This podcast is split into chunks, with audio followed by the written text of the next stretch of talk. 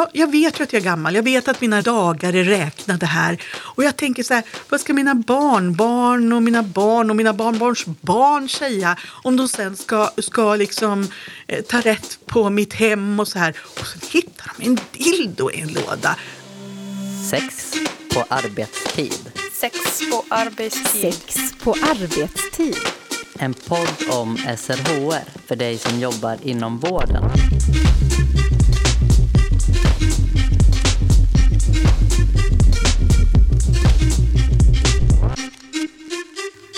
Har man egentligen sex på ett äldreboende? Kan man ha ett fungerande sexliv och samtidigt vara i behov av äldreomsorg? Och vad är egentligen personalens ansvar? Som personal inom äldreomsorgen så ska man hjälpa de äldre med allt från personlig hygien till att bemöta oroliga anhöriga. Ibland kan det också handla om att förstå och ta hand om personer som klär av sig i dagrummet eller kanske drar ut sin kateter för att den är i vägen för sex. Idag har vi med oss Susanne Larsdotter, auktoriserad sexolog och sakkunnig på RFSU.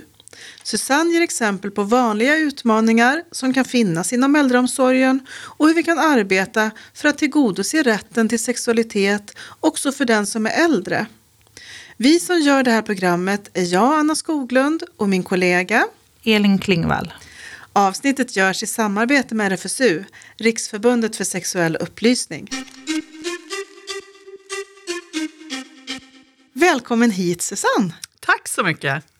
Du har ju mött och utbildat mycket personal som jobbar inom äldreomsorg och pratat kring sexualitet och sexuell hälsa. Men vad har sexualiteten egentligen för plats inom äldreomsorgen?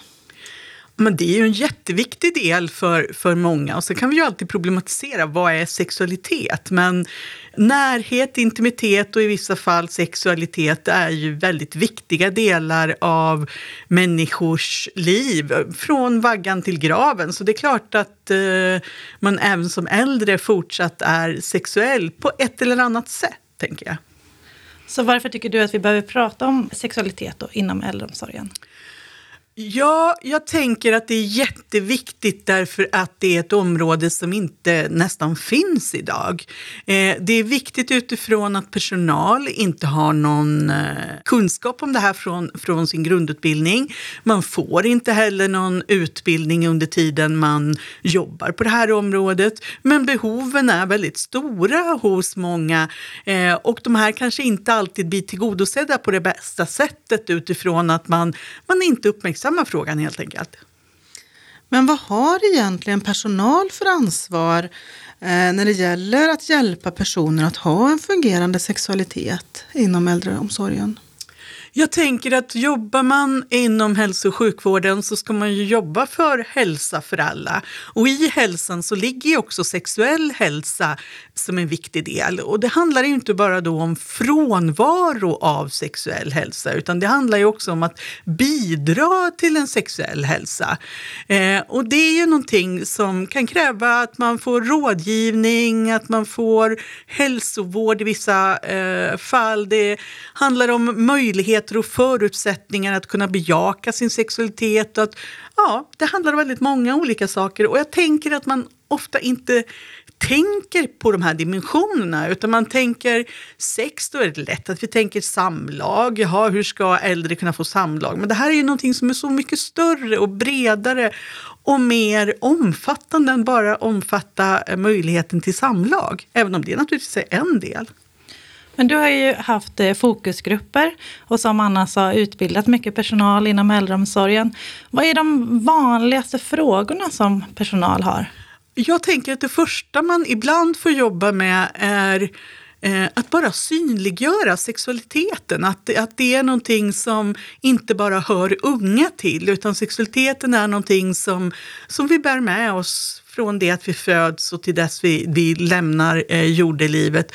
Och att bredda sexualitetsbegreppet ibland. Att, att se att sexualitet är så mycket mer än, än bara vad som ryms i en parrelation.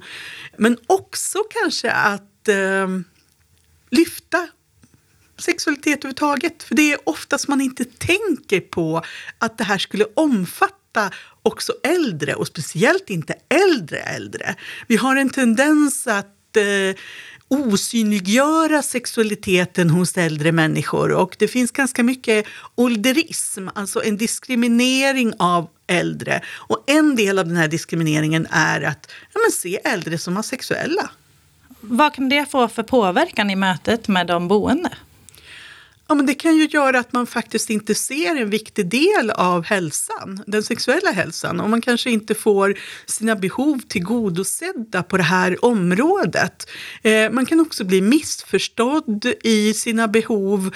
Och även om man kanske på något sätt signalerar att man har behov på det här området så, så ser man det inte. Därför att det, eh, det finns liksom inte i ens... Eh, föreställningsvärld att man skulle kunna ha sex. Och det kan också vara så att det, det, drabbar anhöriga. som Man kanske har en partner som inte bor på samma boende men att de här två vill ha närhet och intimitet och sexualitet tillsammans. Men, men det slår en aldrig att man kanske skulle föreslå att vi ska ta in en bredare säng eller en till säng. Eller så, där. så det gäller väldigt mycket, tänker jag, att bara få in det i föreställningsvärlden. Att lyfta och tänka vad har vi för rutiner? Vad har vi för policies? Hur jobbar vi med frågan på vår arbetsplats?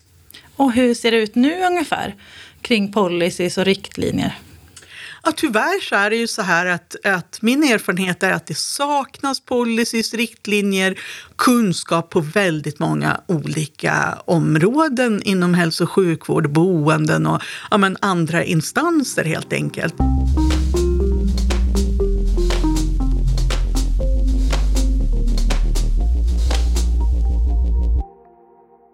När, när man jobbar eh, inom äldreomsorgen så kliver man ju rakt in i människors privatliv. Hur kan man göra för att man ska säkerställa integriteten för individerna och liksom respekten för eh, privatlivet? Jag tror att ett första steg är att också se människor som sexuella. Så att man är medveten om att om jag till exempel jobbar inom hemtjänsten och kommer hem till ett par eh, så eh, är det viktigt att jag ringer på, att jag knackar på dörren, att jag liksom bara har det i min eh, värld att jag skulle kunna komma in i en situation där någon har sex. Eller att man kommer överens om tider och att man gärna knackar på om, på ett, om man bor på ett boende och avvaktar lite grann till att någon kan ropa ja och sådär. För det är någonting som man också hör från många att det är liksom Eh, ja, men det här kan göra att man hindras i sitt sexuella uttryck för att hemtjänsten kan komma när som helst. Eller ja, på mitt boende så de, de går bara rakt in. De, de liksom avvaktar inte på att man säger ja. Eh, när jag jobbat som kurator inom hälso och sjukvården, det är samma sak där. Att, att eh, även om det är en äldre person, se till att man eh, sköter om intima eh, saker, kanske i enrum, plocka hjälp personer som kanske har klätt av sig att, att gå in på rummet och klä på sig igen. Att liksom hela tiden värna om den enskildes integritet och aldrig tänka att nej men det där gör ingenting, den, den eh, förstår inte ändå vad man gör. Utan ständigt ha fokus på att integriteten bör bevaras så länge som, som vi finns i livet. Och hur kan man göra det? Jag tänker det är många som hjälper till med till exempel påklädnad och duschning och sådär. Hur kan man göra det på ett respektfullt sätt? men jag tänker också där att i konkreta situationer både berätta vad man ska göra, fråga om det här är okej. Okay. Alltså att man hela tiden har en kommunikation med personen och att man eh, också förvarnar. Nej, men nu kommer jag att sätta en kateter här så nu kommer jag med den här och närma mig eh, din penis här. Så att man beskriver vad man gör och man kollar av att det känns okej. Okay och, eh, och personen också kan förbereda sig och eh, få en tanke om vad som ska inträffa och bara få känna det här att nej men jag kan säga att det här inte känns bra och att man då som personal i så mycket det går ändå kan få lyssna till det.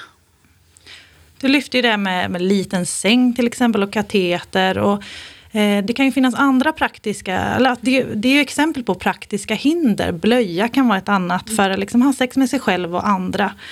Eh, hur kan liksom vårdpersonal hjälpa till att hitta lösningar kring det? Ja, återigen så handlar det väldigt mycket om att få in medvetenheten om det här. För jag vet till exempel ett tillfälle eh, där en sjukvårdspersonal berättade att en man skulle åka hem på permission eh, från sjukhuset och han ville absolut inte ha kateter när han åkte hem. Och personalen fattade inte, liksom, det är väl klart du ska ha det. Varför ska vi krångla med det här nu? Liksom? Utan det, det blir ju lättast och bäst om du har kateten på sig. Och det fanns inte i deras värld att han kanske ville ha hem och, och kunna ha samlag med, med, med sin fru där. Så att, eh, och när han väl sa det och de förstod, jag menar då fanns det ju, alltså de flesta av sjukvårdspersonalen är ju fantastiska och gör det bästa för sina patienter. Eh, och då hittar man ju andra lösningar och hittade sätt att hantera det här.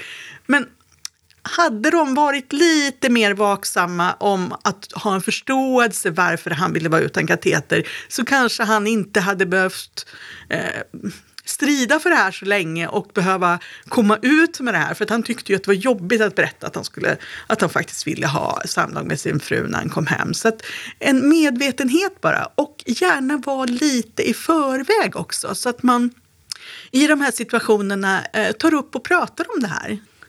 Jag tänker på det här att en arbetsplats ska få kännas som en trygg arbetsplats. Att kunna känna stöd av sina kollegor och veta hur vi handhar situationer. Många som kommer och jobbar inom äldreomsorgen kanske kommer direkt ifrån gymnasiet och hamnar i situationer som blir problematiska. Hur kan man tänka där? Är det då att hitta strukturer eller hur jobbar man kring det? Arbetsgrupp gruppen och ledningen och chefer har en otroligt viktig funktion när det gäller att öppna upp och jobba med sexualitet och äldre.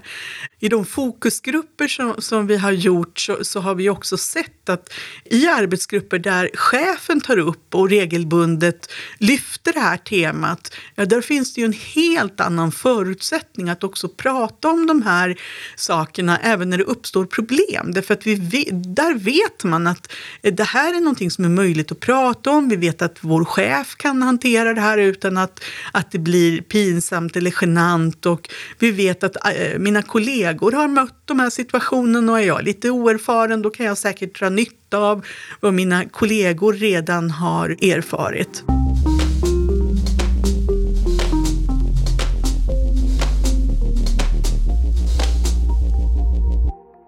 Det är ju väldigt vanligt med demenssjukdomar bland äldre. Och ibland kan ju demensen medföra att personen har svårt att ja, kontrollera sitt beteende och hamna i liksom lite olämpliga situationer.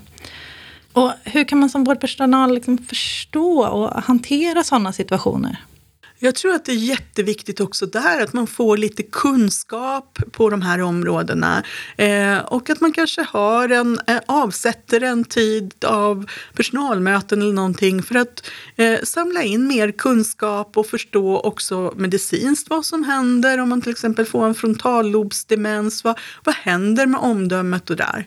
Sen tänker jag att, att vi också måste försöka tolka de signaler som, som de boende eller patienterna uttrycker. För ehm, ja, men om någon går och gnider sig mot könet, ja, det kan ju vara så att personen eh, känner lust och är kåt och skulle vilja onanera. Men det kan också vara ett tecken på att men, man kanske är kissnödig. Eller att det är väldigt torrt och fnasigt och jag behöver få någon mjukgörande salva. Så att det är jätteviktigt att försöka förstå de här uttrycken och vad de står för. Därför att eh, sexuella uttryck kan ju stå för väldigt många olika saker. Det kan också stå för tristess. Att jag har så förbaskat tråkigt så nu vill jag liksom företa mig någonting så att livet känns på något sätt. Och det kan ju också vara så att man känner sig väldigt kåt och vill eh, onanera, ja men då gäller det också att skapa förutsättningar för det.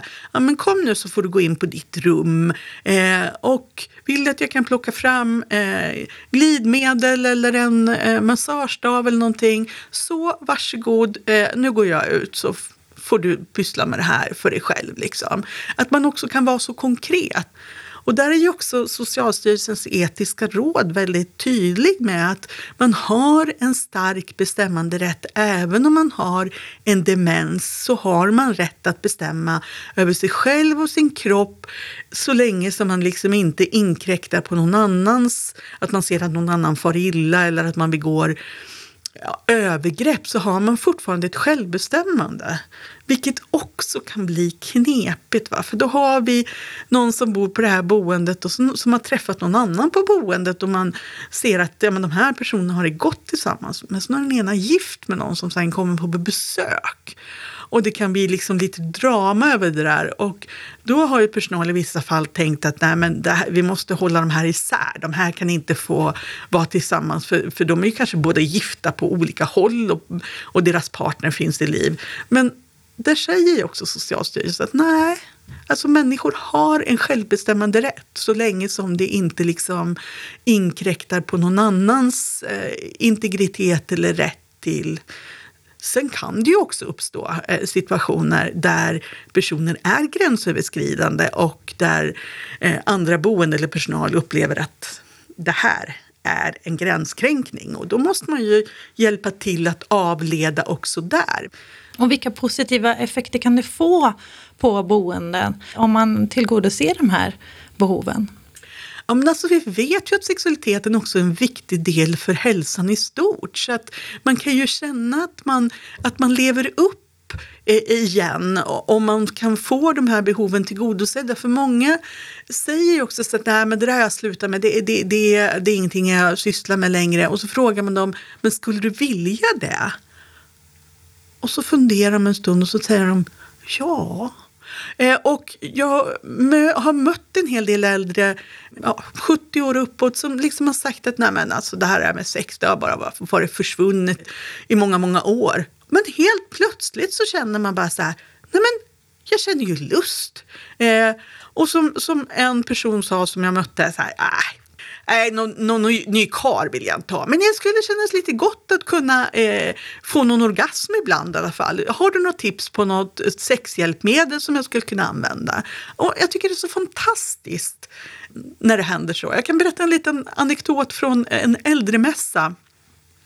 Eh, jag stod i en monter där och eh, pratade med personer och då kommer det fram en pigg, frisk, fräsch person, 90 plus, och, och säger där att ja, alltså jag känner ju att jag har lite lust emellanåt men, men, men jag vill inte heller riktigt träffa någon ny partner. Men alltså jag blir lite sugen så här, så jag funderar på att köpa någon sån här dildo eller någonting. Så här. Men jag har ett problem. Um, Ja, jag vet ju att jag är gammal. Jag vet att mina dagar är räknade här.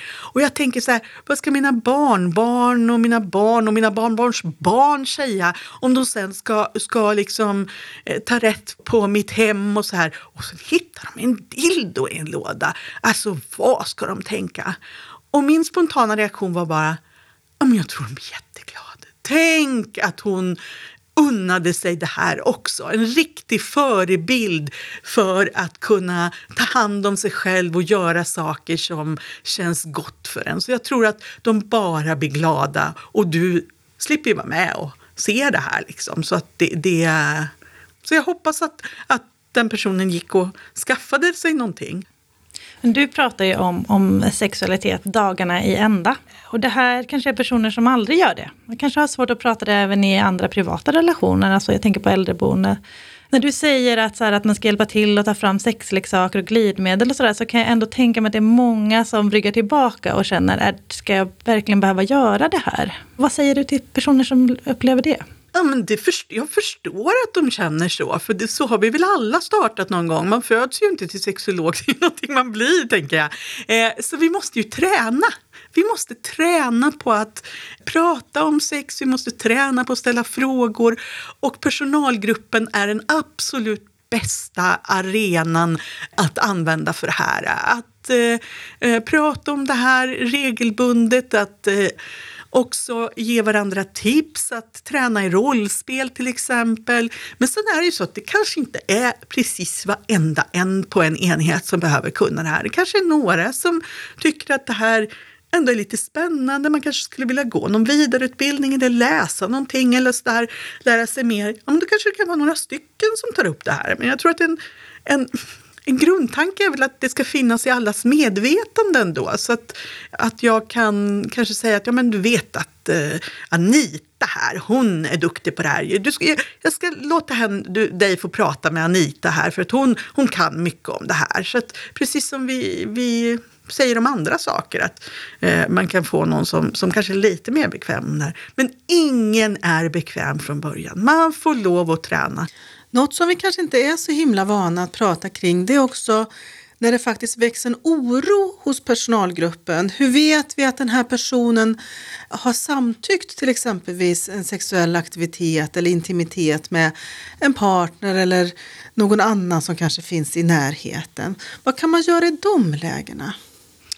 Jag tänker att det är lika viktigt livet igenom att vi alltid ser till att personer har samtyckt. Det gäller liksom i princip vilken ålder vi än är ju. Och, och, just den här att se det, alltså när barn leker sexuella lekar så måste vi se till att det finns ett samtycke där. När, när, barn växer upp så, så är det här en viktig del att prata om. När man är vuxen så gäller det att, att se till samtycke och det gäller ju naturligtvis också äldre. Och jag tänker att man kan tänka runt ja och nej-signaler.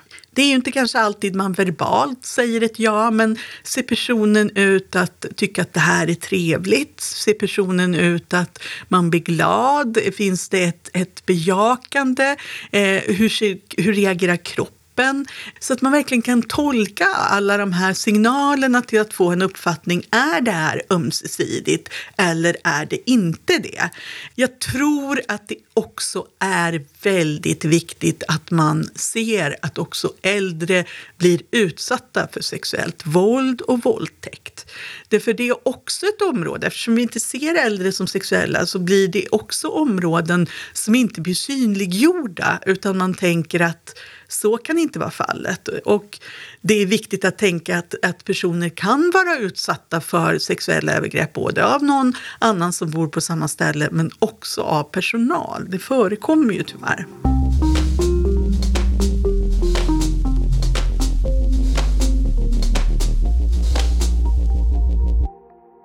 Jag tänker du har ju lyft eh, föreställningar och normer som påverkar kring, alltså ålderism till exempel, föreställningar om äldre som påverkar. Men vad, vad, finns det annars för föreställningar? Jag tänker till exempel kring heteronormativitet eller genusaspekter.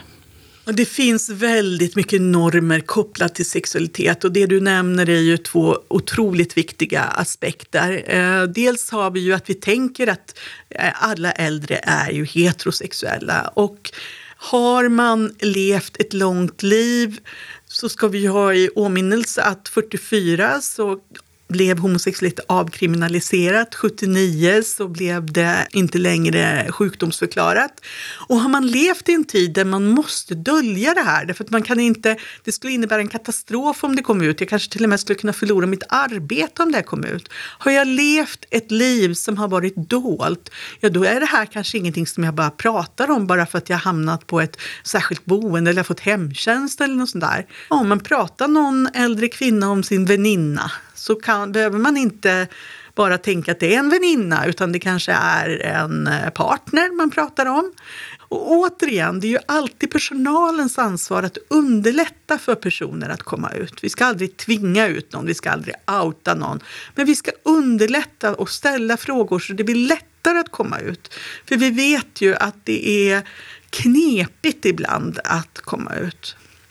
Och vad det gäller könsidentitet så är det ju också viktigt där att man, eh, är man osäker så frågar man vilket pronomen föredrar du och att man också kan förstå att någon som man kanske kodar till ett visst kön att vill den personen ha kläder som man inte förknippar med det könet så, så är det ju fortfarande personen har själv rätten att besluta eh, vilka kläder man vill ha. Och där kan det också vara viktigt att höra med anhöriga. Ja, Tyvärr har jag hört flera såna här riktigt tragiska historier om ja, vid demens och sådär, hur, hur ehm, personer inte längre har fått möjligheten att kanske gå klädd i, i klänning och ha sina halsband och nagellack för att eh, personerna inte kunnat kommunicera sina behov och eh, då har de som har hjälpt till att flytta ut personen från sitt boende till ett, eh, någon form av äldreboende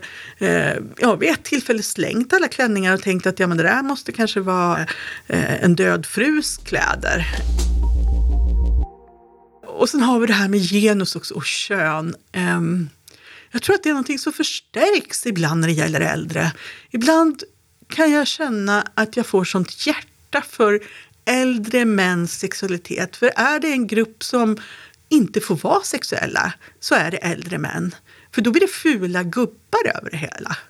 Och ful gubbe det är det ju ingen som vill vara och det är ingen som vill liksom hantera en ful gubbe. Men om jag är en man som är äldre och har sexuella behov, ska inte jag få uttrycka dem då? Ska inte jag kunna få hjälp att få dem tillgodosedda? Och har vi då kvinnor, om vi pratar i ett dikotomt uh, synsätt, så, så tror man ju inte att de de har någon sexualitet överhuvudtaget. De kanske inte haft någon sexualitet hela livet och definitivt inte när de blir äldre. Det där borde ju försvinna med klimakteriet eller någonting. Och så vet vi att det är bara en myt. Många eh, äldre kvinnor njuter verkligen av sex och vill ha sex, men då blir man avsexualiserad. Och jag har också sett det i fokusgruppen att, att det är inte bara män med demens som kan vara sexuellt eh, överskridande i sina beteenden. Men eh, för en, exempelvis en ung kille inom hemtjänsten så kan det vara nog så jobbigt att också en äldre kvinna gör närmanden eller sådär. Men det kan bli lite svårare att ta upp. För hur ska jag då som kille och kanske till och med fysiskt starkare kunna berätta att jag blev väldigt illa berörd där när, när eh, den här kvinnan smög upp bakifrån och började smeka mig och jag visste inte riktigt hur jag skulle hantera situationen. Och då kommer vi återigen in på det här. Finns det något forum där jag kan berätta om det här? Finns det något forum där jag kan berätta att jag kände mig faktiskt väldigt illa berörd. När jag gick hem från jobbet den där dagen så hade jag en klump i magen. Liksom.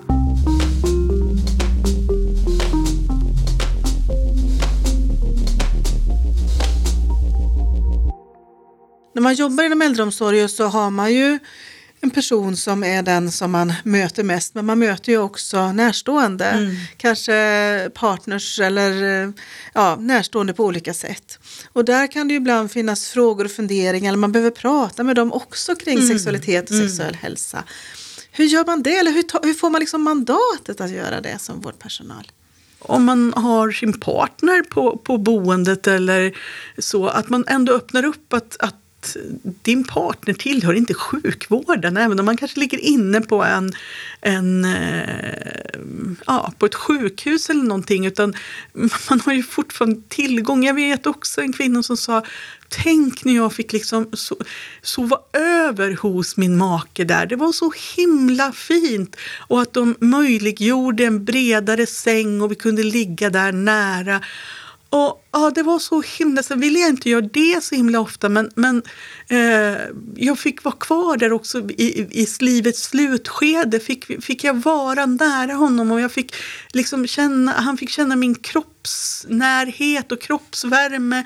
Eh, och jag, jag ryser när jag pratar om det för tänk vilket fantastiskt sätt att få sluta sitt liv med.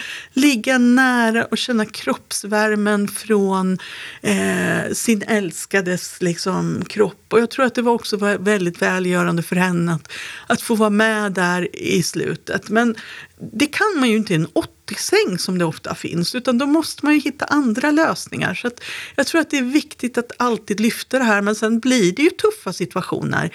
Eh, som det blir när man ska förklara för anhöriga eller till och med en partner att nej, men din partner har nu en relation med någon annan här på avdelningen också. Eh, och vi kan inte hindra det, utan eh, personen har fortfarande en självbestämmande rätt. Och det är ju tuffa samtal att ta.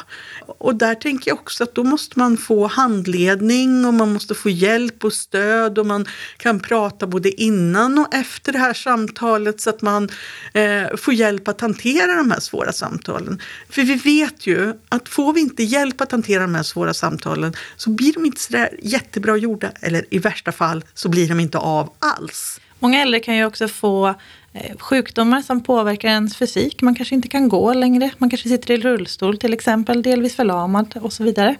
Eh, hur, vilken hjälp kan man få då? Alltså, det kan ju handla om att man då inte kommer upp i, i sin säng och kan ligga bredvid eh, sin älskade till exempel.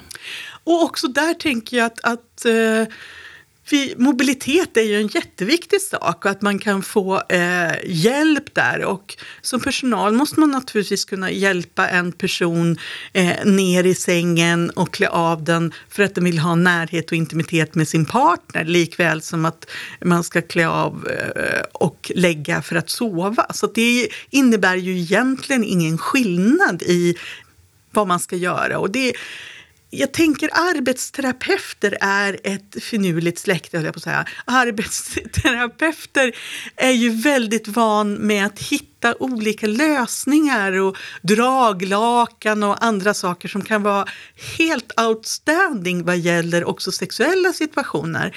Så att möjliggöra människ för människor att kunna ha sex, det tänker jag att det bör ju ingå i ens arbetsuppgifter. Sen ska det, ju, ska det ju inte ingå att man behöver utföra sexuella tjänster. Vi har ju gjort det här med sex till någonting så otroligt privat och så helt annorlunda. Men jag kan ju känna att, att om jag ska gå på toaletten och bajsa och ska få hjälp med att torka mig, det är för mig väldigt, väldigt intimt. Men det är ju någonting som man ändå, man ändå lär sig att ja, men det här behöver ju människor hjälp med och då får jag vara behjälplig när man inte längre kan det. Och, och det är ju så med sex också. Jag, jag, är ju inte behjälplig i själva sexet men jag måste ju kanske hjälpa till att skapa förutsättningar för att den här personen själv ska kunna få leva ut sin sexualitet med sig själv eller med någon annan.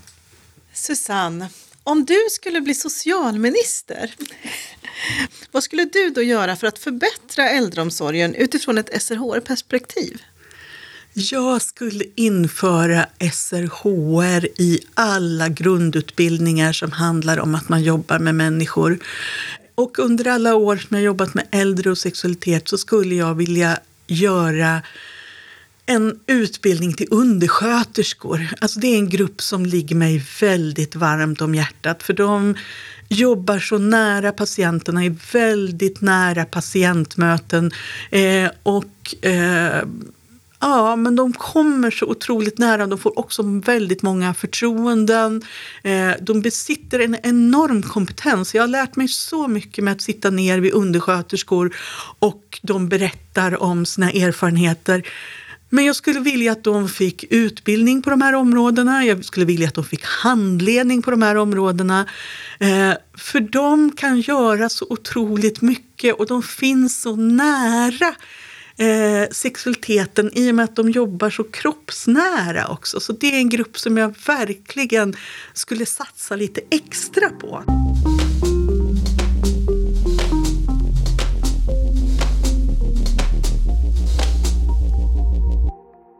Vi brukar avsluta alla våra poddar med tre tips.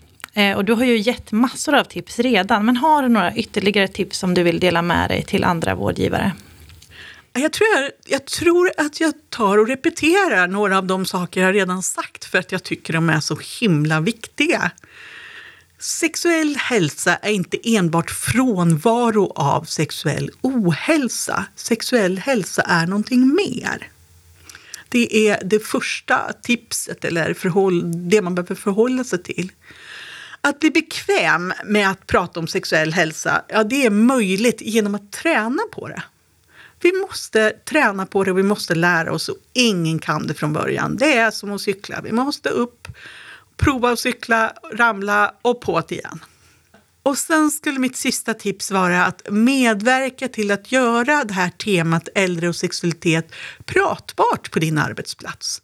Sen hur du gör det och vilka behov ni har, det kan jag inte veta, men gör det möjligt att prata om det. Och lyft kanske den här podden. Tipsa chefer och eh, kollegor om att det här var lite intressant. Skulle vi kunna lyssna på den här och sen prata om den på någon personalmöte eller någonting? Fantastiskt. Tusen tack Susanne för att du kom hit idag. Ja, jättetack. Tack för att jag fick komma.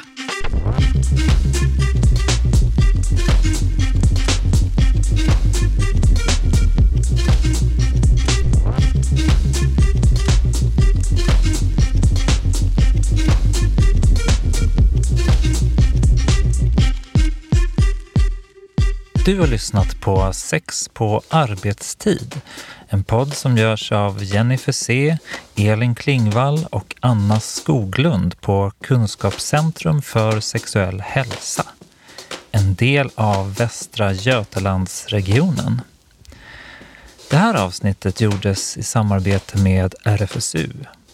Producent var Rasmus Malm.